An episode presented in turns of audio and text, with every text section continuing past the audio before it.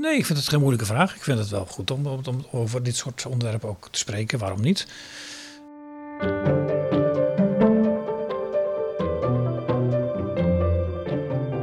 1, 2, 3, 4 liftdeuren. Links een gang, rechts een gang. Laurens, dichter op de Europese macht kunnen we niet zijn, toch? Welkom in het Europese parlement. We zijn binnen. We zijn binnen. Het is hier gelukt. Ze hebben je binnengelaten. Allemaal poortjes hebben we allemaal gehad, eh, beveiliging hebben we gehad. Naar wie gaan we op zoek? Nou, We zijn in het gebouw eh Scholl trouwens. Hier, zie je, hier hebben ze een kaartje van het... eh de, de, de gebouw is niet, het is niet één gebouw, hè, het parlement. Dat, zijn, dat is een complex aan gebouwen die met allemaal loopbruggen met elkaar verbonden zijn. En hier hangt een kaartje, een overzichtkaartje. Ik ben volledig verdwaald op dit moment. Ik ben in dit stukje van het pand nog nooit geweest. En hier helemaal aan de zijkant zitten we, in Scholl. Eh, die gebouwen zijn allemaal benoemd naar beroemde Europeanen die, vaak iets antifascistisch hebben. Dus vaak een verzetstrijd tegen de, eh, uit de oorlog, tegen de nazi's. En eh, later een rol hebben gespeeld bij de wederopbouw en de eenwording van Europa. Nooit meer oorlog Ja. op het continent. Willy Brandt hè, heeft bijvoorbeeld een deel van het gebouw gekregen. Er is ook een gebied, eh, Kool heeft een deel van het gebouw gekregen. Pure historie. En dit is Scholl, dus ik, ik moet zo meteen even... We gaan naar Bertjan Ruijsen, dat vroeg je, van de SGP. Ik wil even vragen ehm, naar welke Scholl dit deel van het pand genoemd is. Want ik denk dat dat naar de zusjes Scholl is geweest, Sophie Scholl. Hè, die student, Die, die, eh, eh, die wijze rozen. die wijze roze, ja. Die student uit München, die eh, ja, Opstond tegen Hitler. en is vermoord door Hitler. Onder de guillotine is gelegd. Mooi boek, mooi film. Ja, eh, Bertjan Ruijsen, hij zit hier op de vierde etage. We zijn verdwaald, maar we weten wel dat hij op de vierde is. de eh, lift omhoog. En SGP, nog niet eens zo heel lang lid van het Europees Parlement. Maar wel een ja, man met een spannend verhaal natuurlijk over waarom hij dit werk doet. SGP is eigenlijk geen fan van de Europese Unie. Toch is hij hier in de macht. Voor zijn eh, mensen, de boeren en de vissers met name. En ze hebben natuurlijk een conflict gehad met de ChristenUnie. Want ze hadden eigenlijk een gemeenschappelijke lijst bij de vorige verkiezingen. ChristenUnie-SGP. Maar die fractie is uit elkaar gebroken. De ChristenUniër en de SGP'er die zijn gescheiden wegen gegaan. Afscheidingen, splitsingen, typisch eh mensen van de kerk. Maar vanwege vorm gaan we zo allemaal behandelen. Allemaal behandelen. Omhoog. Dit is De Binnenkamer. Goes Brussels. Harmer van der Veen en Laurens Boven gaan op visite bij politici van toen en nu. Een bezoekje in het hoofd en hart van bevlogen bestuurders. Nu is wel het bijzondere dat wij eh, normaal gesproken altijd bij de mensen thuis op bezoek gaan. Ja, nou, dat wou ik ook nog even eh, aanstippen. Ehm, hij heeft geen thuis hier. Nee, hij heeft geen pied Hij doet het met hotels. Dus daarom dat we maar op zijn werkkamer eh, afspreken. Vier. En de liftdeuren gaan weer open. We moesten links. Kijk, daar staat denk ik de voorlichter van eh, Bert-Jan. Hallo. We zoeken Bert-Jan Ruijsen. Nou, u bent uit het goede adres. U bent? U mee? Ik ben Kees Bos, ik ben de voorlichter van uh, Bertjan Ruijsen van de SGP. Deur open. Klop, klop. Hallo. Hallo, ik ben eh Harmer van der Veen. Mijn hand. Hallo, Ruijsen. Goed u te zien. Ja. Dat jij, sorry, ik ga meteen u. Waarom doe ik dat nou weer? Goed je te mooi, dat, zien. mooi dat jullie ons opzoeken hier in het Brusselse. Ja, fijn om elkaar even te kunnen spreken vanmiddag. Toch? Zoek toch hoor. Een zoektocht? Ja, maar je heeft het gevonden. Toch knap. In het labyrint, zo is dat. Zeker. Hier kunnen we zitten. Hier kunnen we zitten. Hier hebben we alle nou, ruimte en ook alle tijd wat ons betreft. Om eens eventjes eh, lekker de diepte in te gaan. Vind je niet? Gaan we doen. Gaan Dit is Laurens. Hi, Laurens. Nou ja, het is misschien meteen eerst dat ene vraagje. Ja, oh ja, Laurens heeft meteen een eerste brandende vraag. Ja, eh, we zijn in het gebouw Scholl. Welke Scholl is dat? Dat is een goede vraag. Daar hebben we Kees voor, die dat eh, goed kan, goed kan Kees. Dat is eh, volgens mij een eh, Duitse eh, verzetstrijdster eh, geweest in de Tweede Wereldoorlog. Die- Die wijze rozen. De nazi's, ja, voilà. Oh, iets, eh, Weer wat geleerd. Weer wat geleerd, ja. ja. dat wist je nog niet. Nee, ik, eh, weet je, ik ben 50, maar eh, nog, nog, eh, iedere dag leer je nog bij hier in dit leven. Ja, Dat blijven we doen dan. ja toch? Vind, het- vind ik ook, zeker. Ja. De naam is ook pas veranderd. Eh, tot een paar maanden geleden was het het Wiertsvleugel, eh, dit vernoemd naar de straat hier. Oh, serieus? Ja, ja, ze hebben Het Scholl hebben ze pas kort geleden, dat eerbetoon. Ja, ja, klopt. Ja. Goed, we gaan zitten. Geweldig, we gaan zitten. Ja. Willen jullie wat drinken? Ik wil wel een glas water. Laurens, wat wil jij? Thee. 1, 2, 3, Laurens, zeg jij Ja, eens, eh? hallo. Hallo, hallo. Ja, jij komt altijd weer goed binnen. Ja, goede lage radiostem. Lage bas. Werkt goed op de kansel ook. Ja. Ervaring mee? Nee. nee. Nou, een beetje politicus houdt van preken, toch? Ja, ja, zeker. Ja, dat moet een beetje in de genen zitten, toch? Liefst voor eigen parochie. Nou, niet alleen hoor. Nee, nee, nee. Je zit ook wel natuurlijk eh, ervoor om anderen ook te benaderen, toch? Hè? Niet, Ja, alleen, toch? niet alleen je eigen parochie, hè? Nee. Nee, precies. Probeer ook wel andere mensen, eh, andere groepen weer aan je te binden. Ook toch? buiten de kerkmuren. Nou ja, omdat ik natuurlijk ook wel vind dat je als politicus, je bent niet alleen eh, voor je eigen achterban bezig. Je hebt een, een taak voor heel de samenleving. Ja. En ook voor mensen die niet op je hebben, op, op je hebben gestemd, toch? Ja, ja. Dus als er ook kwetsbare groepen zijn buiten je eigen achterban, heb je daar net zo goed voor op te komen. Een echte volksvertegenwoordiger, ik hoor het al. We zijn al begonnen. eh, preek voor eigen parochie. eh, dat een uur lang gaan we niet doen. Laurens, jij hebt de openingsvraag. Bert-Jan, wat was je aan het doen toen wij hier aanklopten op jouw deur? Ik zat me even voor te bereiden op eh, vergaderingen die ik vanmiddag nog heb. Mhm. Vanmiddag heb ik een triloog. Een triloog is dus een onderhandelingssessie met raad en commissie. Ja. Over de controleverordening voor de visserij. Daar ben je rapporteur? Ik ben daar schaduwrapporteur. Schaduwrapporteur. Ja, Aha. ja, dus dat betekent dat ik namens de ECR-fractie Ja. eh, mee onderhandel eh, met de raad en commissie dan. Hè. Dus eh, je hebt dan zeven onderhandelaars vanuit het Europees Parlement, hè, die het onderhandelingsteam vormen, vanuit iedere fractie één. En dan zit je wel in een mooie positie, vind ik wel. Want dan, ja, dan zit je dus echt dicht bij het vuur. Ja. En dan ben je echt aan het mee onderhandelen. Ja, dat is, eigenlijk de kern van wat het Europees Parlement is. Hè? Het Europees Parlement is minder een controlerend eh, parlement, en vooral een wetgevingsparlement. En dat zit dus in die trilogen, die onderhandelingen tussen de eh, volksvertegenwoordiging en de lidstaten. Zeker op het vlak van wetgeving heeft het Europees Parlement eh, nou, heel veel eh, te zeggen en heel veel invloed. Ja. En dat is een belangrijk eh, onderdeel van ons werk inderdaad. En dat, voor een belangrijk deel vindt dat plaats inderdaad achter de schermen. En dat gaat over visserij? Het gaat over de controleverordening voor de visserij. Wat is dat? Nou, dan gaat het bijvoorbeeld over voorschriften, eh, over het bijhouden van logboeken. Hè? En over het, eh, nou, als je vis aanlandt, hè, dan moet je natuurlijk precies registreren hoeveel je aanlandt. En een van de grote issues in die bespreking is de wens van de Europese Commissie om cameratoezicht verplicht te stellen. Ah, Eh, ja, want is vissers heel veel- worden niet vertrouwd, hè? Op de schepen. op de schepen, op de schepen, op ja, de schepen. gaat dat over dat ze dingen overboord gooien? Wat eh, vissen die, die per ongeluk in de netten komen, de, de bijvangst. Daar heeft, dat, dat is inderdaad de achter, de achterliggende reden dat de commissie zegt van nou we willen daar meer zicht op, op krijgen. En nou ja, we willen eh, voorkomen dat er, dat de bijvangst overboord wordt gezet. Dus we gaan er heel bovenop zitten. Er schiet mij opeens een, een beeld in het hoofd van, eh, van 0 tot nu. Ken je die strip? Uit de jaren 80? Ja, ja. dat is mijn jeugd. De, geschiedenis van. Ja, Nederland. ja, de, de Nederlandse geschiedenis in stripverhalen. Dat is Oh, zo. Stripboek. voor, voor, de, voor de veertigers. Oh, ja. eh, je bent net een paar jaar ouder dan wij. 50 inmiddels. Ja, is dat een... eh, ja, we zijn er allemaal mee opgevoed. Stond maar in daar, Donald Duck. Daar in de, in de, in de van 0 tot nu heb je op een bepaald moment een stripje. Dat gaat over de Napoleontische tijd. Mhm. En ehm, toen was er natuurlijk ook allerlei controle op de vissers. Hè, met de boycotts en gedoe en zo. En de vissers mochten niet vissen, daar ging Oh, het om. oh, En, ehm, of, en er werd gesmokkeld. Dan kwamen de Engelsen, eh, Oh, via die vissersboten kwam er smokkelwaar het land aan.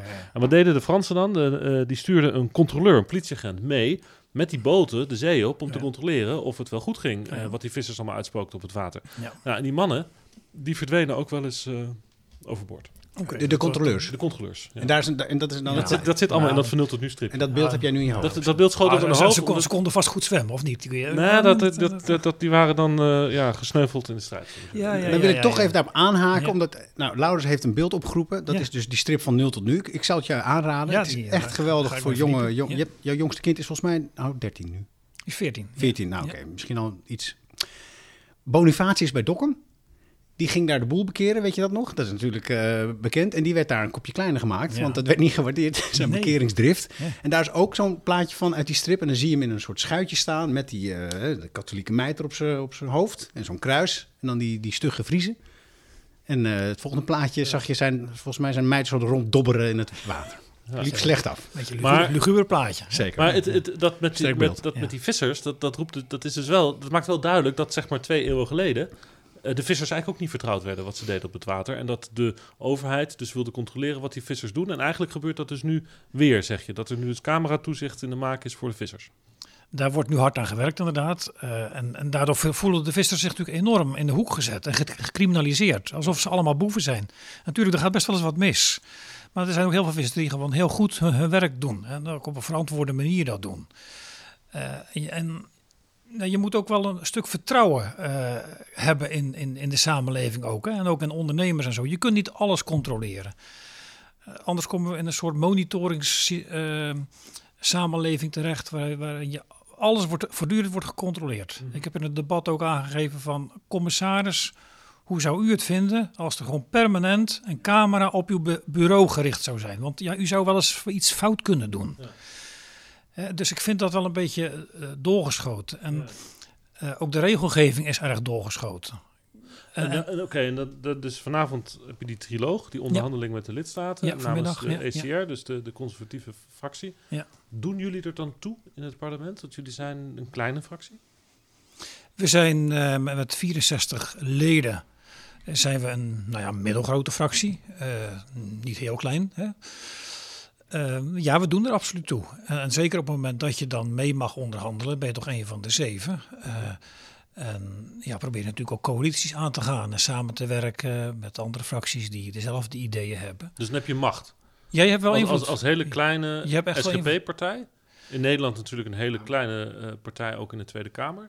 Ja. Maar dan zit je hier dus, doordat je schaduwrapporteur bent namens een fractie, vermenigvuldigt eigenlijk je invloed. Nou precies, dat, dat, dat probeer ik in Nederland ook uh, vaak uit te leggen. Van, ja, dan zeggen ze wel eens van, ja, je bent één van de 705. Uh, dat, dat, je kunt, wat, wat kun je dan nog, nog inbrengen?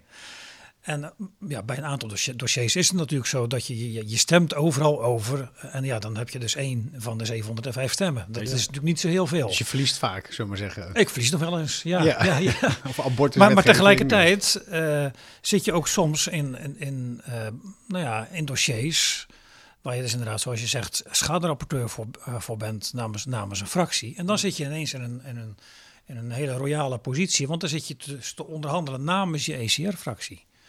En dan heb je echt een positie. Ja. ja. Dan wordt je stem gehoord. Dan wordt je stem gehoord. En het is dus ook heel belangrijk om na te denken, ook aan de voorkant, welke dossiers vind ik belangrijk? Waar schrijf ik op in? Uh, en welke commissies wil ik actief zijn? Mm -hmm. Dus daar heb ik natuurlijk van tevoren al best wel goed over nagedacht. Ja, want jij doet boeren, tuiners en vissers. Ja, ik doe de landbouwcommissie en ik doe de visserijcommissie. Ja. En ik doe de commissie buitenlandse zaken, maar dan plaatsvervangend. Oké. Okay. Ja, maar zeker landbouw en visserij, nou, dat zijn natuurlijk ook twee hele belangrijke sectoren. Ook sectoren die heel veel te maken hebben met Brussels beleid. Het zijn een beetje de pijlers bijna van de EU, de grootste budgetten, toch? Ja, nog ja zeker voor de landbouw natuurlijk. Een flink deel, een flink deel van, de, van de begroting gaat naar landbouw, ja. zeker. Maar ook als je kijkt naar de, de, de regelgeving. Uh, ook, ook, als het gaat over natuurbeschermingswetgeving, dat soort dingen waar de boeren natuurlijk ook mee te maken hebben. Ja. Ja, dat wordt voor een belangrijk deel toch vanuit Brussel aangestuurd. Dus dan is het al ontzettend belangrijk om hierbij te zitten. En dan zijn de boeren en de vissers ook uh, jouw achterban.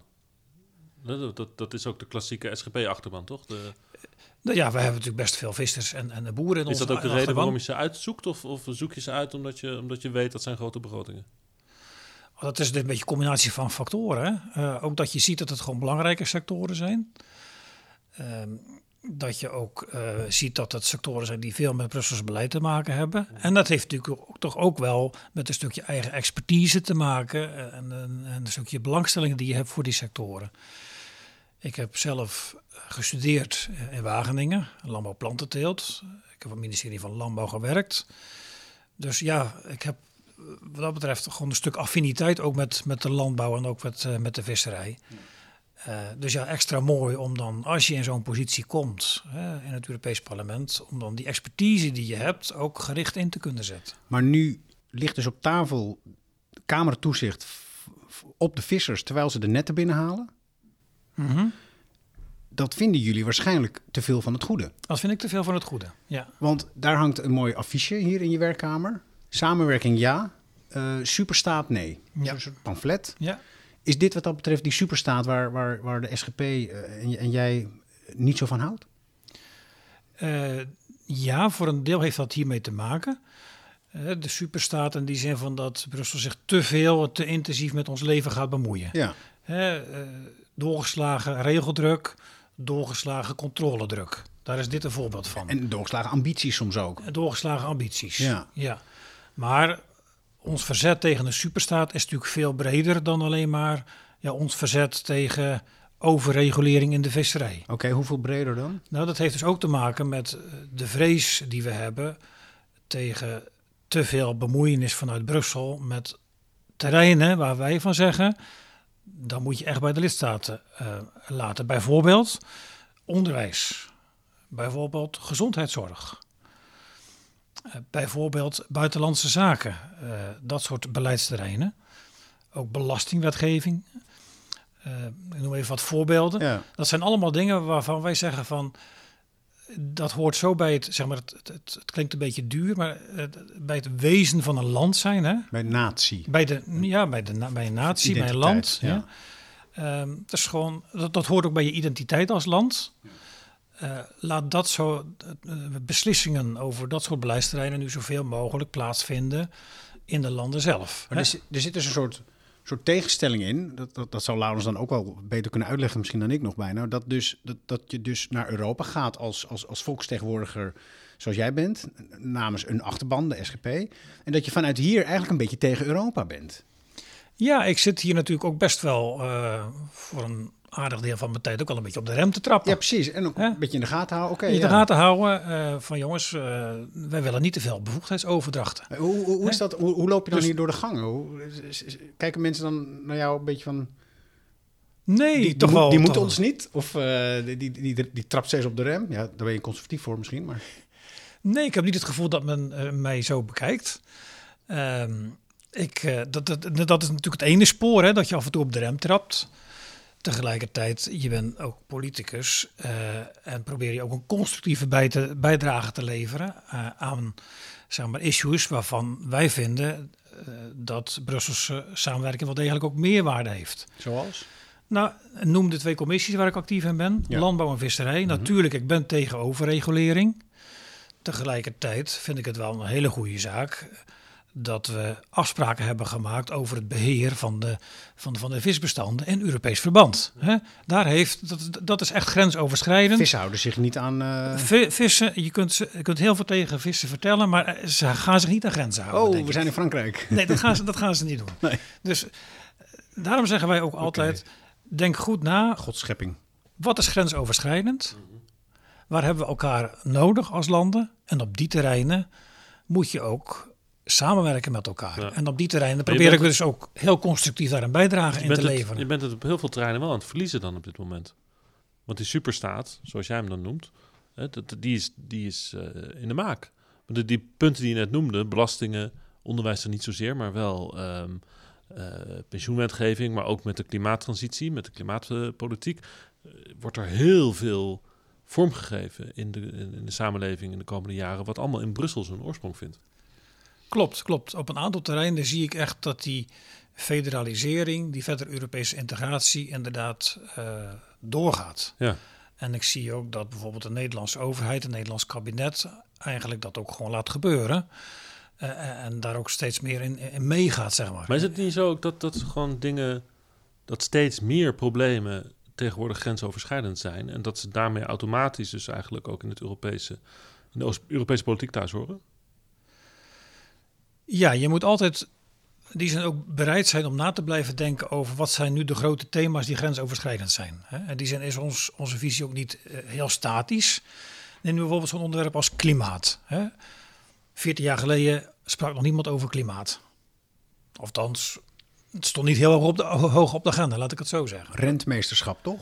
Ja, ja, ja, zeker. Maar ik wil maar zeggen, kijk, nu, uh, klimaat is nu, nu veel meer een issue geworden ook.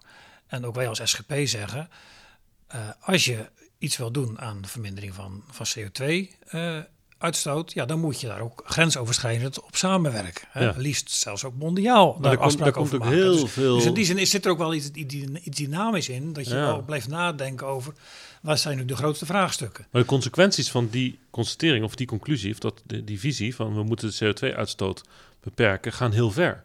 Ja. Want, want, want vervolgens om dat voor elkaar te krijgen, ja zal je heel erg politiek moeten sturen op hoe het in de samenleving functioneert. Ja. En dat is Europees beleid.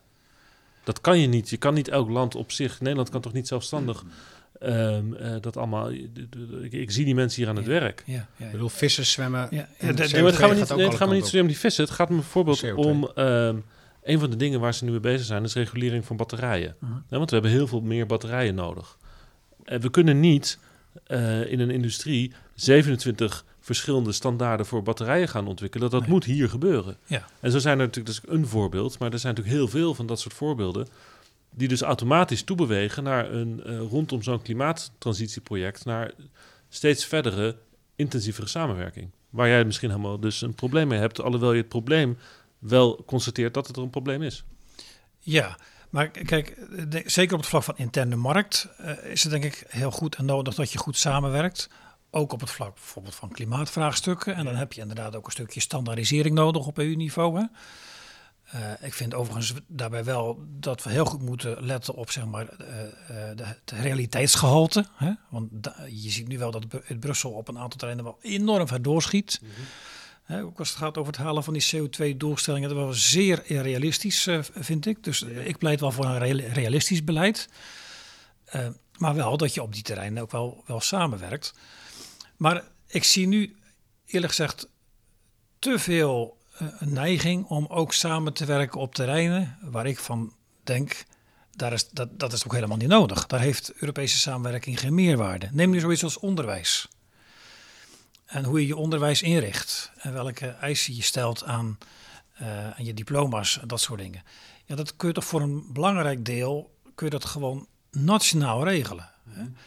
Eh, en ook, ook, ook, zelfs dat is natuurlijk geen zwart-wit verhaal, dat realiseer ik me ook. Ik bedoel, als je, als je in het buitenland gaat werken, eh, dan is het ook wel fijn dat je diploma's van elkaar erkent. Hè? Dus op dat vlak zie ik ook best wel eh, ruimte voor een stukje Europese samenwerking.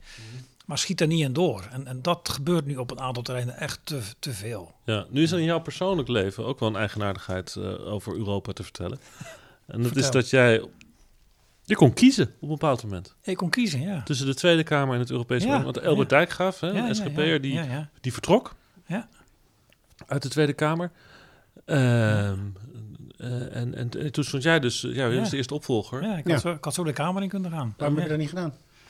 Ja, uiteraard, daar denk je over na. Dat doe je ook een goed overleg natuurlijk met het partij, partijbestuur en anderen. En thuis Eh, ook overleg? Thuis ook, thuis ook, ja, uiteraard. Eh, ik heb toch de keus gemaakt voor Brussel.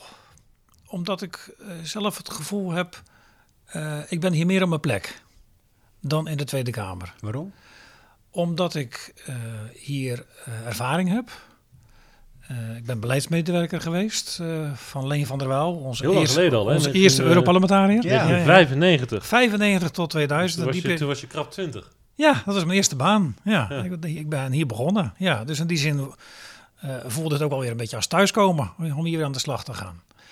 En ja, ik ben dus hier in Brussel begonnen en dat heeft me natuurlijk toch gevormd. En, en zeker ook die internationale contacten. Nou, maar dan is misschien de vraag, waarom ben je in 1995 eh, vanuit eh, Kruiningen toch daarmee opgegroeid? Oostdijk. Oostdijk. Oostdijk. ja, maar dat, eh, Oostdijk was in die tijd gemeente Kruiningen nog. Oké. Ja. Maar waarom ben je van, van, van Zuid-Beverland naar Brussel vertrokken in 1995? Ja, werd ook wel een beetje op mijn weg geplaatst. En, en zo zoek ik ook wel een beetje naar mijn leven, hè, naar mijn carrière. Van eh, dingen. eh, ik geloof ook heel sterk dat, dat God mijn leven ook leidt en bestuurt. Hè? Dus dat ik nu hier zit eh, en dat ik in de tijd die overstap maakte naar het Europese parlement, de 95, was niet iets wat ik nou zelf echt heel actief aan het zoeken was. Maar plaatst God dat op jouw weg? Zo heb ik dat, ja, iedereen ervaart het natuurlijk op een eigen manier, maar zo ervaar ik, heb ik dat wel ervaren. Wat is er ja. gebeurd dan? Nou, in- die zin, ehm, nou ja, heel, heel eh, ik zou bijna zeggen heel aards, maar eh, ik werd gewoon, eh, ik werd, werd gebeld door een, God, sorry. nee, ik werd, ge- ik werd gebeld door een, door een, een, oud, een oud een me- medewerker van Leen van der Waal, die ik nog kende uit Wageningen. En Leen van der Waal was op zoek naar een eh, medewerker die eh, dossier landbouw wilde gaan behartigen. Dus hij keek vooral ook in Wageningse kringen rond eh, of dat er iemand misschien ze wilde solliciteren. Dus ik ben in de tijd ge- eigenlijk gevraagd om te solliciteren. Dat heb ik toen gedaan. Maar vanwege je kwalificaties in je opleiding. Dat, dat zeker, dat speelt dan mee. Zeker, Ja. zeker. Ja. Maar dan wil ik het toch voelen en begrijpen. Wanneer komt dan eh, het, het, het, het, het, het hogere er- erbij? Ehm, volgens mij in, in alle situaties. Ja. Ehm, er, sta- er staat zelfs geschreven: eh, zonder de wil van mijn hemel, hemelse vader valt er geen haar van mijn hoofd. Ja. Hè? Met andere woorden, alles wat er gebeurt, eh, ehm, daar is God ook in betrokken. Hij, hij, eh, natuurlijk, wij- hij plaatst ons in een stuk verantwoordelijkheid hè, om, om keuzes te maken. Hè. Eh, we zijn, eh, die zijn geen willoze eh, mensen die, die nou ja, geen keu- keuzevrijheid hebben. We hebben allemaal, allemaal keuzevrijheid. Ja. Hè? Richting geven aan je eigen bestaan. richting geven aan je eigen bestaan. Dan Ja. maak je allemaal je eigen keuzes in. En tegelijkertijd zie ik het zo dat, dat God daar toch ook boven staat en daar ook zeg maar, de leiding aan heeft. Een soort almachtig en aanwezig tegelijk. Ja, en, en dat geeft ook een stuk eh relaxedheid ook wel in het leven. Ja. Maar van het besef, werd gebeld. Het, bes- het besef van ja, alles, eh, alles wordt ook bestuurd in, in ons leven. Maar mis je dan niet wat ik hier mis? Ja. Is je eigen verdiensten. Namelijk een goede opleiding. eh, dat je, dat je Ja. in de kijker bent terechtgekomen. en dat, dat ze ja. zeggen, nou, die jongen moeten we hebben, want die heeft ook verstand van zaken. We halen hem naar Brussel. Mhm. Ja, kijk. Ter meerdere eer en glorie van, van je eigen Ja, capaciteit. ieder heeft zijn eigen gaven en talenten. Mhm. hè? Eh, en dat, dat speelt dan ook mee natuurlijk in keuzes. Eh, en in die zin, als iemand een, noem maar iets, een prachtige speech heeft gehouden voor op een congres, dan applaudisseer je daarvoor als een stuk waardering. Hè? Van, ook voor blijk van waardering en nou, goed verhaal neergezet. Hè? Ja. Dus ik vind dat, dat dat mag er ook zijn. Tegelijkertijd zie ik het ook zo dat je die talenten, dat je die ook van God hebt gekregen. Maar als nou niemand jou complimenteert met wat je doet, Mhm. dan ben je nog oké. want dan voel je ten overstaan van, van de Heer, voel je dan de erkenning. Ieder mens heeft behoefte aan een stukje waardering. Daar heb je helemaal gelijk in. Toch? En, en, ook com- en, en een compliment doet, eh, doet de mens altijd goed. Hè? En bij lange afwezigheid daarvan Ja. voel ik me wel eens eenzaam en, en miskend. Kan me voorstellen. Ja. Ja. Ja, ja, Ik ben dan wel eens jaloers op mensen zoals jij, Mhm. die volgens mij dan daar steun hebben. Bij God. Of bij, bij eh, Ja, dat, dat, dat, de, dat, de bezieling die jullie dat, hebben. dat, dat geeft wel eh, een extra dimensie aan je leven. Ja, Ja. Een extra steun. En, en wat ik zeg, een stukje relaxedheid ook wel. Een stukje ontspannenheid. Hè, dat, ook bijvoorbeeld als je het hebt over klimaatbeleid. Hè. Eh, dan maken we even een stapje naar het beleid. Hoe ga je daarmee om? Aan de ene kant, nou, oké, we moeten onze verantwoordelijkheid nemen. Hè, keuzes maken daarin. Eh, maar we hoeven daar ook weer niet in, in, in, in door te schieten. Ook niet in de paniek te schieten. Want we weten dat God deze wereld bestuurt. Eh, eh, en ook zeg maar, weet wat, wat goed voor ons is. Ja. Dus dat geeft ook in zeg maar, eh, het beleid en het beleid wat je voorstelt ook een bepaalde ontspannenheid. Maar dat, dat geeft een particuliere rust, een Ja. soort anker, denk ik. Ja, Anker, ja, mooi, be- mooi beeld. Ja. Eh, ja, graag gedaan. Ja, ik, ik kom uit gereformeerde huizen, dus, en ik, ken, ik lees en ik, ken, ik moest ook naar de kerk. Ik ging ook mee. Op een gegeven moment heb ik wel bedacht, eh, hij bestaat niet. De Bijbel is een mooi boek. En het zijn prachtige voorbeelden, maar ik, ik geloof er niet in. Op een andere manier. Toch ben ik altijd een beetje jaloers gebleven. Op, op mensen zoals jij. Ehm, en daar heb ik ook wel wat dering voor. Totdat het dogmatisch wordt en, en, en dat het wetten en regels in de weg gaat staan. Ja, en en, ja, en ja. als het gaat over bijvoorbeeld de integriteit bij vrouwen en abortus, komen we vast nog wel over te spreken. Dat vind ik lastig. Ehm, Herken jij mijn positie als gelovig opgevoede jongen die ja. enigszins Ik kan me voorstellen dat je, eh, dat je zeker als het gaat over wetten en regeltjes, dit mag niet en dit, dit mag niet, eh, dit mag wel, dit mag niet, dat je daar op een gegeven moment op af kunt, sto- dat het afstotend kan zijn. Ja, hè? zeker als het, Ja. als het vertrekpunt de Bijbel is. Dat, dat lijkt mij een soort van eindpunt als je particulier gelooft. Maar nou, bij de SGP is de Bijbel wel echt een, een, een richtinggevend boek, ja. verhalen. Ja, ja. Dat vind ik lastig. Dat kan me voorstellen. En ook Nou, als- daar, daar zijn jullie kan- me kwijtgeraakt, zullen we maar zeggen. Niet dat ik ooit bij de SGP, maar Ja. mijn ouders zaten bij het CDA. Ja, En, nog steeds soms, varieer een beetje. PvdA, CDA, ja, progressief. Samenleving, maar dat deel, dat, dat vind ik altijd een moeilijke... Ja, je kent meer mensen zoals ik natuurlijk. Hoe, hoe, hoe kijk je daarnaar? Ja, het is ook wel een, ik denk ook wel een les voor, voor, voor, eh, voor ons, ook voor kerken, voor, voor de kerkelijke gemeenschap. Hoe, hoe benader je mensen? Uh, welke, hoe, welke waardering geef je mensen? Uh, dat je vooral ook uitstraalt, uh, laten, we, laten we elkaar respecteren en, en, en, en je waarde laten. Ja. en misschien hebben we wel te veel in het verleden nou ja, de nadruk gelegd op, op allerlei regeltjes, dingen die niet mogen. Ja. waardoor een bepaalde manier van leven en inrichting van je leven als, als beknellend kan worden ervaren. Zeker, zoals seks uh, voor het huwelijk of zo bijvoorbeeld. Dat vond, toen dacht ik, ja, daar ga ik niet mee. Ja. Dus toen zijn jullie mij een soort van uh, ja, kwijtgeraakt. Precies, ja, ja, ja. Vind je dat jammer? Dat vind ik dan jammer, zeker ook op, op, op zo'n punt. Kijk, ik ben er ook eerlijk gezegd ook wel heilig van overtuigd dat um, de richtsnoeren die vanuit de, de, Bijbel ons worden meegegeven op een aantal terreinen, dat die ook gewoon heel uh, uh, heilzaam zijn. Hè? En ook heel goed zijn. Zoals? Uh, en als het gaat over, nou ja, over seks? seks? Seks voor het huwelijk. Mm -hmm. ik ben echt wel van mening, maar goed, dan kun je over, over van mening verschillen, dat, dat het goed is om nou ja, toch wel, laat ik zeggen, die richtlijn te hanteren. Seks is iets voor in het huwelijk. Maar jij hebt geen seks gehad voor het huwelijk? Nee. Nee. Vond je dat moeilijk? Ieder mens vindt dat denk ik wel moeilijk. Hè? Uh, tegelijkertijd, ja, je, uh, ja, wat is moeilijk? Vind je het een moeilijke vraag trouwens? Nee, ik vind het geen moeilijke vraag. Ik vind het wel goed om, om, om over dit soort onderwerpen ook te spreken. Waarom niet? Uh, kijk, wat is moeilijk? Dit, dit, dit, is niet onoverkomelijk, laat ik het zo zeggen, toch? Uh, en zeker als je elkaar uh, lief hebt, uh, als je van elkaar houdt, um, dan respecteer je elkaar ook. En dan is dat, is dat wachten hè, tot het huwelijk. Dat, Ja. dat is dan ook onderdeel van nou, elkaar liefhebben, respecteren. Weten dat de ander het ook nou, daar nog niet aan toe is.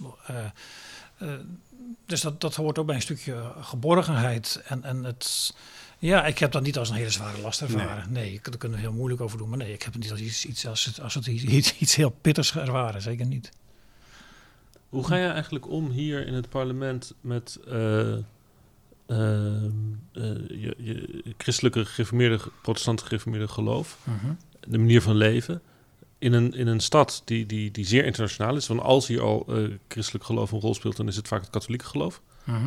Uh, dus je bent hier natuurlijk een hele kleine uh, minderheid in deze stad. -huh. is het, is, voel je je eenzaam of een soort eenling hier wat dat betreft? Want je, je woont hier niet? Je woont niet in Brussel inderdaad. Ik woon in uh, Krimp aan de IJssel. Ja, maar je bent niet verhuisd? Nee, klopt. Maar van Laurens... ja. Ik woon in Krimp aan de IJssel. Ik ben natuurlijk wel heel vaak hier. Hè, voor mijn werk. Maar in hotels? Je hebt ook geen pied hier? Dan verblijf ik in hotels, ja. ja. Maar ja, dat komt natuurlijk ook omdat ik ja, één week in de maand zit je ook al in Straatsburg. Ja. Hè, dus ja, ik heb sowieso als Europarlementariër een wat reizend bestaan. Maar Laurens vraagt volgens mij, maar, voel je je wel eens hier alleen? In feite wel. Nou, dat, dat valt eigenlijk reuze mee. Um, en, want, en, en, met betrekking tot de ideologie en je standpunten, voel je je dan wel eens alleen? Kijk, als, als christenen zitten we natuurlijk wel in een minderheidspositie. Als, als er hier gestemd wordt over, over abortus, nou, dan zit ik in een minderheidspositie. Ja? Maar ik ben niet alleen. Uh, en ik werk ook heel nauw samen met andere christelijke parlementariërs, ook uit andere landen, ook voor Rooms-Katholieke huizen. Uh, ja, dat gaat, want dat, vroeger ja. was voor de SGP dat natuurlijk heel ingewikkeld om met de katholieken samen te werken, maar dat is... De, van origine was dat natuurlijk ingewikkeld, maar de, de wereld is wel wat veranderd inmiddels. Okay. Hè? En, de, en de fronten zijn ook wel wat gaan geschuiven. Hè? Mhm. Mm -hmm. Maar als het gaat over de grote vraagstukken, hè? Uh, noem uh, euthanasie, noem, noem abortus, pro-life. Dus ja, dus dan kunnen hier de, christenen, de protestanten en de katholieke christenen vinden elkaar. Dan vinden we elkaar. En, hier, en dan ja. werken we ook heel nauw samen met elkaar. En uh, proberen Heeft het we ook, iets mee te maken coalities dat, aan te gaan. Dat je ja. hier niet, niet woont of geen pied hebt, maar dat, dat je thuis anker in, in Krimp aan de IJssel is. Um, en, en dat dit dan toch echt een soort plek buiten dat is? Dat, dat dit geen deel is van een leefomgeving waar je zou willen wonen, bijvoorbeeld? Nee, dat kan ik niet zo zien. Ik denk dat ik. Kijk, ook in de, in de Krimpense context uh, werkte ik gewoon samen met, met, ik zou bijna zeggen, Jan en Alleman. Ja. Uh, ik ben ook uh, actief geweest in de gemeenteraad in, in, in Krimpen aan de IJssel. Ja, dan werk je ook niet alleen samen met geloofsgenoten, om het zo maar te zeggen. Hè. Die zijn ben ik altijd wel gewend om over de grenzen heen te kijken en, en, en, en samen te werken. En En om je vooral niet eenzaam te voelen. Uh, ik zie er ook geen reden voor om je eenzaam te voelen eigenlijk. Toch lijkt het mij eenzaam. Hm. Nou, het woord eenzaam is misschien niet gekozen, maar je moet een bepaalde karaktereigenschap hebben ja. om, denk ik, in het EP hier, het Europees Parlement, als, als abortus op tafel ligt, ja. dat vrouw na parlementariër, na man, na progressieveling, anders zeggen, baas in eigen buik, bemoei je er niet mee, laat God uh, uit mijn uh, baarmoeder. En dan staat Bert-Jan op en die zegt in zijn eentje, abortus moet verboden worden. De, de, de, het leven is van God, kom er niet aan. Wat voor soort eigenschap moet er in je zitten om je dan niet... Ik denk toch een bepaalde standvastigheid uh, en ook een bepaalde, nou, geen onverschilligheid, maar wel een bepaald besef van ach, uh, wat de tegenstander ook van mij vindt, uh, hier sta ik voor. Onbuigzaam, een soort... Standvastig. Rechtop. Uh, en ook vanuit het besef, nogmaals, een geloof, ik kan het niet bewijzen, maar een geloof dat de, de Bijbelse waarden en normen die ik van huis, huis uit heb meegekregen, dat die gewoon goed zijn voor de hele samenleving. Dat is de overtuiging die mij, mij drijft en die ik probeer uit te stralen. Niet vanuit een negatieve manier, je mag dat niet en je mag dat niet, maar juist vanuit het, het positieve. Um, ja, wat is het goed om... Maar je mag geen abortus, dat is toch juist zo'n zo'n negatieve regel? Nou, ik, eh, ik, ik ervaar dat juist als, als, iets, als iets positiefs. Um, want we hebben het wel over uh, het ongeboren leven, wat mm -hmm. in het geding is. Um, en als je dan beseft, ja, dat, je, dat zo'n hummeltje van, van, van, van 19 weken, daar zit alles al op en aan. Uh, uh, kloppend hartje, als gewoon een mensje. Ja, dan vind ik het juist positief om voor de waarde ook van dat leven op te komen. Hè? En zijn die discussies hier in, in Brussel anders dan in, in de Tweede Kamer? Ik denk niet dat die nou wezenlijk anders zijn. Het zijn wel vergelijkbare discussies. Ik, ik merk wel. We begrijpen bijvoorbeeld uh, parlementariërs uit uh, Spanje of Italië of uh, Oost-Europese landen het bestaan van de SGP als, als, als partij? Ja, dat als, als zeer christelijke. Dat begrijpen ze wel. Ja, ik, ik heb best goede contacten ook met, met, met Spaanse uh, collega's. Natuurlijk, je moet het even uitleggen hè, dat wij in uh, Nederland de traditie hebben van kleine christelijke partijen. In het uh, vroeger RPF, GPV, SGP, nou nu SGP ChristenUnie. Ja, dat is een vrij uniek iets. Dat heb je in andere landen niet zo. Nee, precies, dat bedoel ik. Ja. dat, dat is wel uniek. maar ja, met een stukje uitleg kom je er wel uit. Ja. En vooral ook, weet je, je, je, je laat in je politieke bezig zijn ook gewoon zien waar je voor staat. en dan, dan merk ik veel veel herkenning. Veel herkenning en, en, en, en weerklank ook. Uh, ik heb een Spaans uh, collega waar ik intensief mee samenwerk. En die is zeer gedreven. Eigenlijk ook rondom de, de thema's waar ik me ook, uh, ja, waar ik me ook zorgen over maak. Mm -hmm. ja. ja. Jullie, toen jullie hier kandideerden, dat is eigenlijk altijd zo geweest, ChristenUnie SGP samen. Hm. Op één lijst. En dat is een veel gemeentes in Nederland ook. Uh, hebben jullie vaak gecombineerde verkiezingslijsten. Ja. Maar uh, de fracties zijn elkaar gevallen. De, collega, collega van de ChristenUnie die is, uh, heeft gebroken met de groep van de conservatieven. Ja. En jullie niet. Ja. dat ging over Forum, Forum voor Democratie. Klopt. Want Forum voor Democratie Oh, het is een ingewikkeld verhaal trouwens met Forum. Hè? Want Forum is gekozen met een stuk of wat leden. Die zijn allemaal overgestapt naar Ja 21 op een bepaald moment. Ja. En inmiddels is er weer een nieuwe van Forum, maar dat is een ex-PVV'er. Ja, precies. Die, zit, die is nu overgestapt naar, naar Forum. En hier in Europa moet je tot die families. Hè? Die zijn wat breder dan precies, je moet dus, vandaan Exact. Hè? Dus bijvoorbeeld D66 en de VVD zitten samen in Renew. In Nederland zijn het verschillende partijen. Hier zitten ze in één fractie. Ja. En hier zaten dus de ChristenUnie en de SGP samen in de fractie van de conservatieven. Op die poster staan ze ook nog samen. Ja, ja we zijn samen de verkiezingen ingegaan. Maar, en ik heb dat het feit dat we... We zijn inderdaad bij verschillende families terechtgekomen. Nou, om even dat punt af te maken inderdaad. Ja. Want Forum voor Democratie moest dus ook kiezen bij welke fractie ze kwamen... toen ze hier voor het eerst in het parlement ja, kwamen. Kozen Die de... kozen voor de ECR, voor de Europese Conservatieven. En daarop zei de ChristenUnie... wacht even, met Forum wil ik niet in één fractie stappen zitten. Wij, eruit. wij stappen uit, wij stappen over naar de Christendemocraten. Die, zitten, die zitten nu samen met het CDA in één okay. fractie. Klopt. Maar jullie niet. Jullie zeiden Forum, uh, geen probleem. Wij zeiden, de ECR is de fractie waar wij ons het meest bij thuis voelen. Want deze ECR-fractie die staat voor een eurokritisch geluid. Ja. Precies wat hier op deze poster staat. Samenwerking ja, superstaat nee. Hè? Voor een christelijk geluid in Europa. En voor een christelijk geluid in Europa. Ook, ook, ChristenUnie, ook, ook, SGP. ook daar krijg je in de ECR alle ruimte voor. En hè? ook weer hier een soort afscheiding dan weer tussen de ChristenUnie en de Maar de SGP. ChristenUnie heeft inderdaad de afweging gemaakt van nee, wij voelen ons niet meer thuis bij het ECR, met name inderdaad vanwege Forum. En die zijn naar de, de EVP eh, overgestapt. Maar jullie hebben je ook niet uitgesproken tegen de opname van Forum in de ECR. Toch? Of wordt daar niet, eh, moeten de zittende leden niet besluiten wie er verder nog lid mag worden van de fractie? Er is inderdaad toen geen tegenstem tegen geweest. Van de, ik heb daar zelf niet over gestemd, dat was nog mijn voorganger. Eh, maar er is niet, niet tegen gestemd. Ehm, ook vanuit eh, het idee van, kijk, die families, binnen die families zit ook een stuk diversiteit. Hè? Eh, ehm, en je, je moet ook wel een bepaalde diversiteit moet je, moet je, moet je, moet je erkennen. We hebben geen reden gezien in de tijd eh, om Forum er buiten te houden. We weten natuurlijk allemaal dat Forum zich eh, na die tijd in een bepaalde richting ontwikkeld heeft. En dat heeft er ook toe geleid dat Ja 21 ontstaan is. Hè. En nu werken we inderdaad met, eh, met Ja 21 eh, in, in de ECR-fractie eh, samen. Maar nog even Het zijn terug dezelfde met mensen. Met een ander, in feite hebben ze alleen maar hun naambordjes veranderd. Het zijn gewoon nog steeds diezelfde. Die, die zijn ge- gekozen op een forumlijst. Maar ja, noemen maar zich het, nu het, ja, het feit dat ze nu bij Ja 21 zitten, Ja, geeft, geeft natuurlijk wel aan dat ze zich niet thuis voelen bij het bij, Forum bij van nu. Ja. Maar misschien toch nog even terugkomen op die, op die ehm, eh, het feit dat de ChristenUnie bij de EVP terechtgekomen is en de SGP bij de ECR.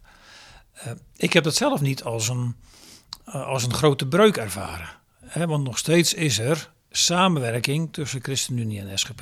Het is wel moeilijker geworden, dat is natuurlijk zo, omdat je bij verschillende, bij verschillende fracties zit. Maar op verschillende terreinen werken we nog steeds wel eh, samen. En bijvoorbeeld de stemlijsten wisselen we ook, ook uit. En volgens mij heeft de, de afgelopen jaren heeft laten zien dat je, ook al zit je bij verschillende families, dat je fractieoverschrijdend, hè, dat je toch wel degelijk Nee, sure, samen kunt werken. Ja, hè. dus ik wil dat niet al te te- zeer pro- problematiseren. Zeg Nee, maar. oké, maar tegelijkertijd is het wel zo dat er dus één kandidatenlijst is, die nog steeds bestaat. Hè? Want dat Ja. is nog steeds de kieslijst Ja. zoals die was. Die dus, eh, waarvan de leden naar twee verschillende fracties gaan. Maar wa- wa- wat is je punt eigenlijk? Je, je, je onderliggende punt? Nou, ik, eh, de, de, de, eh, ik ben eigenlijk wel gewoon benieuwd naar, naar eh, de, de, de, de redenen. Je hebt er al iets over gezegd, hè? Waar de, van de, de ECR is een profiel wat beter bij ons past dan Ja. de EVP-fractie. Ja. Ehm, hoe kijk je dan eh, nu naar Forum? Naar Thierry Baudet bedoel je eigenlijk. Ja, want er is ook in Ja. Nederlandse... Ik vroeg me namelijk Ja. af of er, dat er ook iets mee te maken heeft... omdat er in de Nederlandse eh, politieke context... natuurlijk ook altijd al een, een, een toenadering was tussen de SGP en Forum. Onder de jongeren met name, SGP-jongeren, was, is Thierry redelijk populair. Mhm. Dus daar zitten raakvlakken, ook in het conservatieve denken... waarbij Forum het misschien eerder een, wel conservatief is... maar niet zozeer christelijk geïnspireerd, maar wel conservatief. Is, daar ook nog een, is dat ook een reden waarom jullie... ehm, de, de, nou ja, het eigenlijk wel leuk vonden als Forum erbij zat? Of interpreteer ik dan verkeerd? Ja, het- kijk, het was meer dat, dat Forum natuurlijk ook eh, toenadering zocht tot de familie waar zij het meest, zich het meest bij thuis voelden. Eh, Het is niet zo dat er vanuit de SGP nu zeg maar, inspanningen zijn verricht om de Forum erbij te halen of zo. In die zin zaten we daar relatief ja, neutraal in. Ja. En hebben we geen bezwaar gezien. Zeg maar, Laat ik het anders, laat ik het anders, anders, laat ik anders formuleren, die vraag. Ehm, er gebeurt heel veel in, in, in rechts-conservatief politiek Nederland. Hè? Ja. Daar is heel veel beweging met al die nieuwe partijen die ontstaan. Ja. Eh, hoe kijk jij nu naar eh, het veld op dit moment? Met het bestaan van Forum, bestaan van Ja 21. Zie je dat als, als bondgenoten of hoe, hoe beoordeel je die ontwikkeling? Nou, als het natuurlijk gaat over christelijke politiek, hè, eh, voor een christelijk geluid in Europa, ja, dan, dan zijn mijn klassieke bondgenoten zijn christelijke partijen. Hè. Ja 21, Forum, PVV, dat zijn geen christelijke partijen. Eh, En als het gaat over pro-life eh, issues, dan heb ik lang niet altijd daar steun, zeg maar. Dus dat creëert per definitie al een bepaalde afstand ten opzichte van seculiere partijen. Kijk, op een aantal terreinen zijn we het wel eens eens. Zo nuchter moet je ook zijn. Als het gaat over kritisch zijn op Europa. Ja, dat is ja 21 ook. Hè? En, en op die punten vinden we dan elkaar en, en ondersteunen je elkaar. Maar vanuit een soort, eh, nou, bijna eh, noodzaak om elkaar te, te ondersteunen daar waar dat kan. Hè. Eh, maar niet vanuit een hele duidelijke ideologische verbondenheid, want wij zijn de christelijke partij en dat zijn de anderen niet. Dus dat, dus- pragmatisme. pragmatisme, dat woord zocht ik. Ja, Ja, gedaan. Ja, ja. Ja. ik luister mee en ik denk, ik vul hem even in. Ja. maar dat is een, een goed politicus natuurlijk niet vreemd, volksvertegenwoordiger. Je En moet, eh, eh, gezond stuk pragmatisme, dat is wel handig, ja. Ja, zonder je idealen te verliezen. Precies. Ja. We hadden het over preken nog voor eigen parochie. Hoe vind je het om, om hoe ga je om met, met journalisten en, jo- en journalistiek in het algemeen? die eh, eh, probeer ik zo open mogelijk tegemoet te treden. En ik vind ook dat journalisten ook wat dat betreft een ontzettend belangrijke taak hebben. Hè? Ook, ook richting de overheid. Om alles goed in de gaten te houden. Eh, waar is de overheid mee bezig? En ook om een stuk vertaalslag te maken naar, eh, naar de luisteraar. Hè? Van wat, wat, wat, wat, wat gebeurt er allemaal in dat Haagse of wat gebeurt er allemaal in het Brusselse? Hè, eh, en zeker ook dat eerste punt wat ik noem. Eh, gewoon een, een, een, een- kritische pers die ons kritisch volgt. Die niet, die niet alles zomaar eh, voor zoete koek eh, aanneemt. Maar ook de SGP kritisch benadert. Ja, natuurlijk. Daar moet, er- daar moet ruimte voor zijn. Zeker. Ja. Ja. Ja. Ehm, want het is al eens wat minder modern geweest bij de SGP met de omgang met media, televisie. Ik bedoel, er zijn voorgangers geweest die überhaupt de tv niet op wilden, toch? Wat dat betreft is er veel ten positieve veranderd. Laat ik zeggen dat, ik. dat we daar een bepaalde ontwikkelingen hebben doorgemaakt. Proficiat. Ja, Ja, ik had zelfs Kijk, maar dat heeft ook jullie- alles te maken met het, met het besef van. eh, daar begonnen we denk ik een gesprek ook mee. Van we zijn niet alleen maar bezig eh, voor onze eigen achterban. De eigen parochie, precies. Voor eigen parochie, ja. Ik had zelfs we hebben juist ook een, eh, nou ja, een verantwo- we voelen ook een verantwoordelijkheid voor heel de samenleving. En dan wil je dus ook in gesprek gaan met die hele samenleving. En wil je dus ook eh, bijvoorbeeld de televisie gebruiken als kanaal. Ja. Ik had zelfs de indruk dat jullie je eigen televisiezender hebben. Family hebben- 7. I- Nou ja, dat, dat gaat niet uit van de SGP of zo. Is dat niet van het... eh, Nee, maar het is wel een christelijke zender. Maar hoe Ja. heet dat? Ja, Wat weer- Family 7. Family 7. Ja, ik ben afgelopen vrijdag nog geweest. Ja, en eh, wat ik wel grappig vond, is dat... De, ik, ik, het is 24-7 christelijk tv-kanaal. En ik vond vooral die 7 wel grappig. 24-7. Ik zou dan zeggen 24-6. Dat zou dan eigenlijk eh, de ja, betere maar zijn. ik heb er in die zin nog niet... Nog, nooit- eh, Kijk, eh, eh, ik kan me zomaar voorstellen dat er ook op zondag eh, kerkdiensten worden uitgezonden. Ja, zoiets wat dat wou net zeggen. ja. Maar wat is dat, Family 7? Ik had, er, ik had er nog nooit van gehoord, maar ik kwam er tegen op jouw eh, profiel dat je daar af en toe optreedt. In Ja, een- een soort precies wat je zegt. Het is een christelijke ja, eh, nou, ik zou zeggen, televisiezender, maar dan via internet. Hè, dus, eh, Ja. ja. Maar is dat zoiets als het Reformatorisch Dagblad dan of zo? Is dat eh, zo, zoals de krant zeg maar dicht bij de partij staat? Eh, is dit een tv-kanaal wat, wat zich gelieerd voelt aan de SGP? Nou, ja, zo zou je het kunnen zeggen. Maar ik denk niet dat... Ja, het- is een christelijke zender, zeg maar. Hè, dus eh, ze- hebben natuurlijk ook... eh, eh, ook politici van, eh, van, van CDA en ChristenUnie zijn natuurlijk even goed daar welkom. Hè. Het is niet zo dat ze nou een hele duidelijke link met één specifieke partij hebben. Nee, Ja. ja. dat lijkt me wel een beetje eigen parochie. Family 7. Ik moet nog kijken. Ja, Ja, moet ik wel sportief zijn. ja, ik, ik had een vraag klaar, maar ik ben vergeten. oh ja, ik weet het alweer. Ja. Dus op zondag, als wij op zondag dit gesprek hadden gepland, was dat dan een, eh, een no-go? dat was voor mij een no-go. Ja. Die, Waarom? die zondag is voor mij heilig. Zondag is halen. Ja. Wat doe je dan? Zondags dan eh, ga ik twee keer naar de kerk. En ik heb, we hebben dan vooral een, een dag voor, eh, voor de, de familie, voor het gezin. Aandacht voor elkaar. Dat is een geweldig rustpunt in de week. Gewoon eens even die telefoon links laten liggen. Eh eens eventjes niet bezig zijn met, eh, met het nieuws, met, met nadenken over wat staat er allemaal in Brussel op de agenda. Gewoon even even rust. En mensen heeft af en toe echt behoefte aan rust. En ik weet dat andere mensen nemen dat, dat moment van rust misschien op een ander tijdstip van de week. Maar ik ervaar het als een geweldige zegen. Ik ook. Dat is mijn oude. Mag ik even? nee, ik vind dat echt heel mooi. Ik heb ooit als jonge student eh, dacht ik, ik ga eens kijken op welke partij waar ik me thuis voel. Dat was toen Hans Vermierlo, vond ik inspirerend. Eh, en toen dacht ik, ik ga het partijprogramma opvragen eh, van de D66. En toen stond er waar wij trots op zijn. Eén, koopzondag. En toen werd ik heel constant, dacht ik, op Soudemieteren. Ja. Dat vind ik echt verschrikkelijk. Ja. Weg ermee. Ik, heb, ik heb er nooit meer op gestemd. Nou Wel op Hans Vermierlo. toen. En daarna dacht ik, nu wil ik, word ik lid van de D66. Ja, ja. Nou, ik, nee, ik hou er niet van. Dus ik dank, dank Ja, daarvoor. die die, co- die conservatieve stroming hou ik van. Zondagrust. Wat. Laurens, hoe kijk jij daarnaar? Dat ben ik nieuwsgierig. Ja, maar ook, denk ook aan die winkeliers. tuurlijk, Die kleine ondernemers, die willen ook wel eens een dagje vrij zijn. tuurlijk. En als de concurrent dan open mag, maken ze elkaar gek. Ja, precies. Jij bent veel minder gelovig opgevoed dan ik. Een soort van helemaal niet, toch? Nee, jij hebt gebroken met het eh, christelijk geloof, maar Ja. dat hebben mijn ouders hebben dat. eh, Voor jou gedaan. ja, jou die hebben dus één generatie hoger zit dat. Ja, maar daar zit ook, die zijn ook allebei uit de gereformeerde hoek. Ja. Dus, hoe eh, kijken in die zij zin- naar zondagsrust? Hoe ging dat bij jullie thuis vroeger?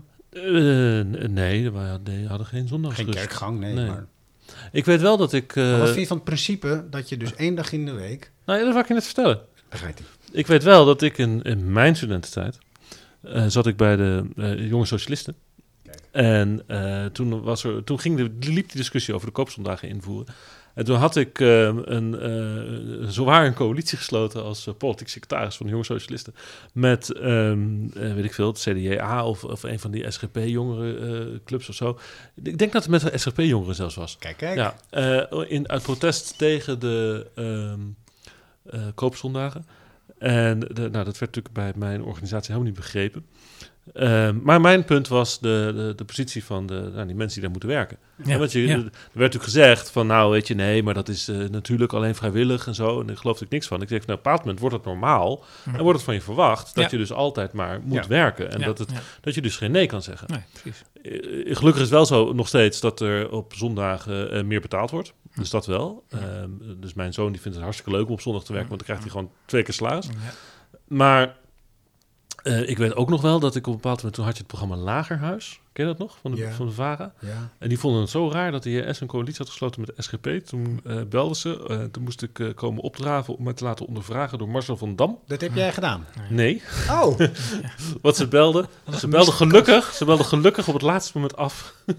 oh waarom? Jammer. Nou, ik denk dat ik daar dat ik dat. eh, Toen dat was je in je activistische Jawel, periode maar ik nog. denk dat ik dat, had. nou, ik, denk- ik denk dat ik dat enorm eh, ten onder gegaan was op live televisie. Wel, nee. ondervraging van Had je geweldig gedaan. Nou, weet ik niet. Je er vast een goed verhaal bij, toch? Ja, had hij de ja, zaak ja. bepleit voor de SGP ook. Nou, precies, joh. Ja. Ja, dat zat Ja. geweldig. Maar is toch mooi? Het vertrekpunt hoeft dus niet de heer te zijn. is, nou, nou, dit is Oh, ik precies- wilde dit nee, nee, nee, maar dit is precies dat Marcel van Dam geintje waar ik Oh. bang voor was. Oh. Dat ik nu als eh, JS'er dan zogenaamd eh, de eindconclusie van het gesprek zou zijn... dat ik de zaak van de SGP aan het verkopen was. Ja, maar sorry. Dat wilde ik dus niet. Prima, maar dan doe ik het alsnog. Dan doe ik de kleine Marcel van Dam in mij. Die zit in ons allen. Nee, maar vanuit verschillende vertrekpunten komen we uit bij hetzelfde. Namelijk dat het goed is om één keer in de week minimaal Ja, even gewoon... eh, even rust. Rust. Ja, ja. Ik ga inmiddels wel gewoon op zondag naar de Decathlon hoor. Dus wat dat betreft. Zet Ja, jouw naar de Mediamarkt of naar de Albert Heijn, dan moet ik ze allemaal noemen. Hè? Dan gaan we reclame maken. de Decathlon. Nou. Ik had nog één vraag.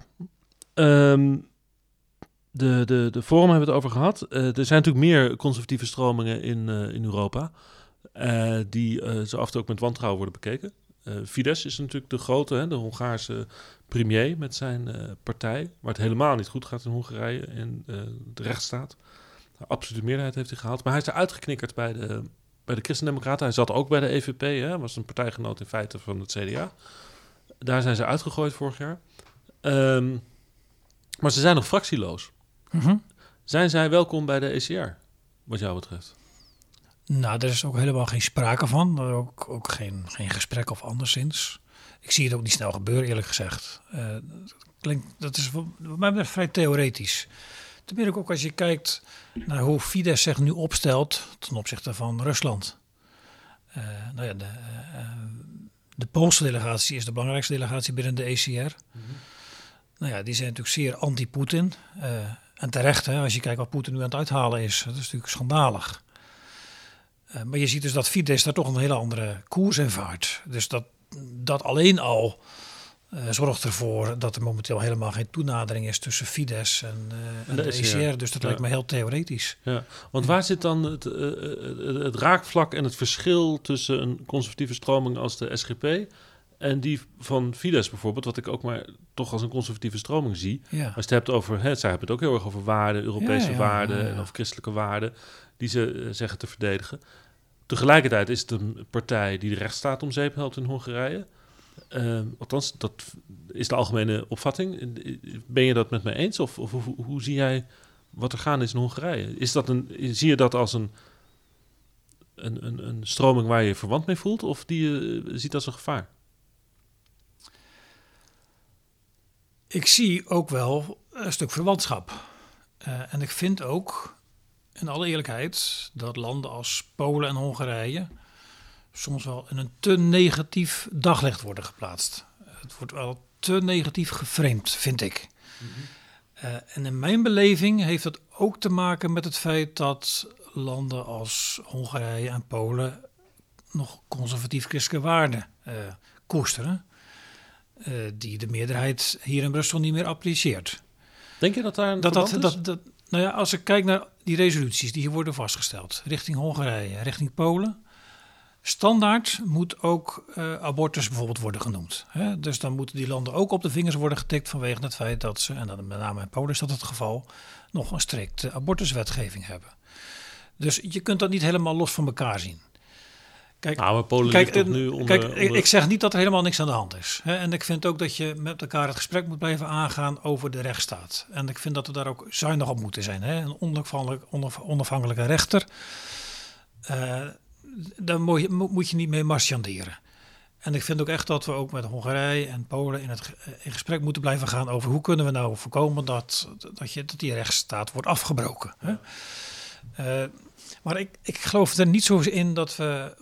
Uh, ik geloof niet zozeer in, in zeg maar, alle juridische instrumenten waar nu mee geschermd wordt, hè, artikel 7 procedures. Ik ben bang dat je die landen dan meer en meer zeg maar, in de verdediging drukt. Dat werkt juist contraproductief. Ja. Um, terwijl ik denk van laten we nou die discussie vanuit een positieve grondhouding voeren, de dialoog aangaan. Daar zie ik eerlijk gezegd veel meer in. Uh, in plaats van landen zo in een, uh, in een hoek te zetten. Ja, maar dat, dat kan me voorstellen dat het voor jou ook een beetje spelen met vuur is dan. De SGP, de staatkundig gereformeerde partij, wordt in Den Haag ook, hè, Kees van der Staaij wordt vaak gezien als het rechtsstatelijk geweten van de Tweede Kamer. Als er allerlei rechtsstatelijke conflicten zijn tussen het parlement en de... En dan wordt hij er altijd even bij geroepen om even uit te leggen hoe het, hoe het ook weer zat met de grondwet. Mm -hmm. um, terwijl dat nu juist de kern is van nou ja. het conflict met Hongarije, dat die rechtsstaat daar onder druk staat.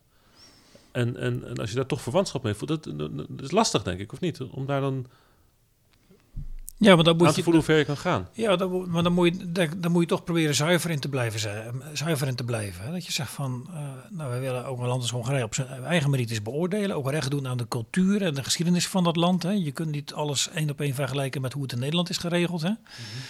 Maar wel gewoon open en eerlijk dingen wel blijven benoemen waar je je zorgen over hebt. Als het gaat over de persvrijheid bijvoorbeeld. Hè?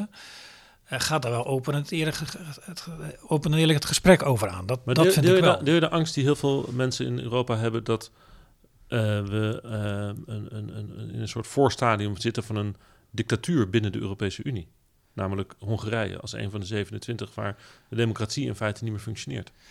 Dat vind ik, in alle eerlijkheid vind ik dat zwaar overtrokken. Wordt wel gezegd. Dat wordt gezegd, maar dat vind ik zwaar overtrokken. Het is nog steeds een democratie met verkiezingen, met vrije verkiezingen. Um, en natuurlijk op een aantal onderdelen is het goed om, om, om, om kritisch te zijn en om Hongarije erop te bevragen. Maar ik, nee, ik zie het land niet uh, wegzakken in een, in een nieuwe dictatuur. Dat vind ik uh, geen recht doen aan de situatie zoals ik dit nu uh, inschat. Hoe ziet de toekomst van Europa eruit voor jou?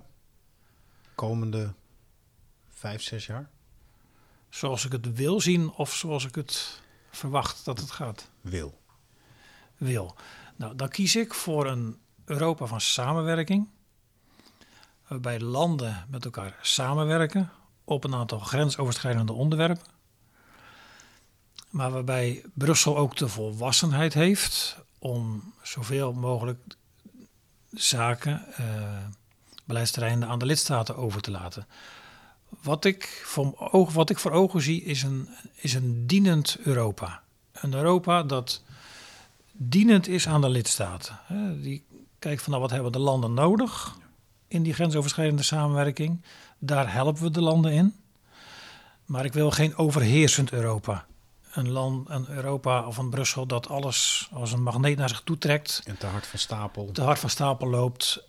En landen degradeert tot deelstaten of provincies. Hoe kijk je dan eigenlijk aan naar D66, naar Sofie in het veld? Onze eerste gast was, wij waren te gast, ik had het lastig hè, Wij- ik zeg dan, In de binnenkamer te gast en wij waren te gast wij bij waren haar te thuis. gast bij haar, Ja. bij Sofie eh, thuis. Die is helemaal supranationaal. Die, die, is- die is het tegendeel van Dus wat, bent. tegenpol van heb ik jou daar. Kan haar niet snel genoeg gaan. Er zijn niet veel terreinen waar wij het op eens zijn.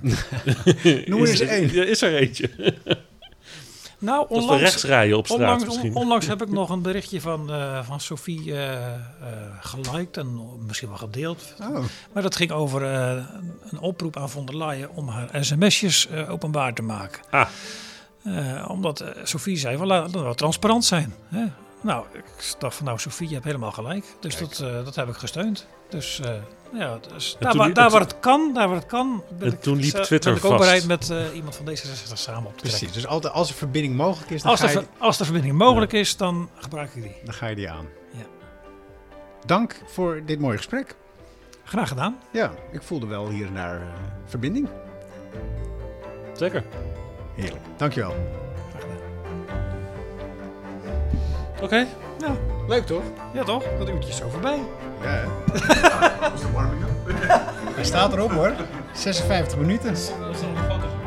Oh ja, fotootje maken. Ja, ik lust nog een glaasje water. Geef jij, jouw kamer is het beste.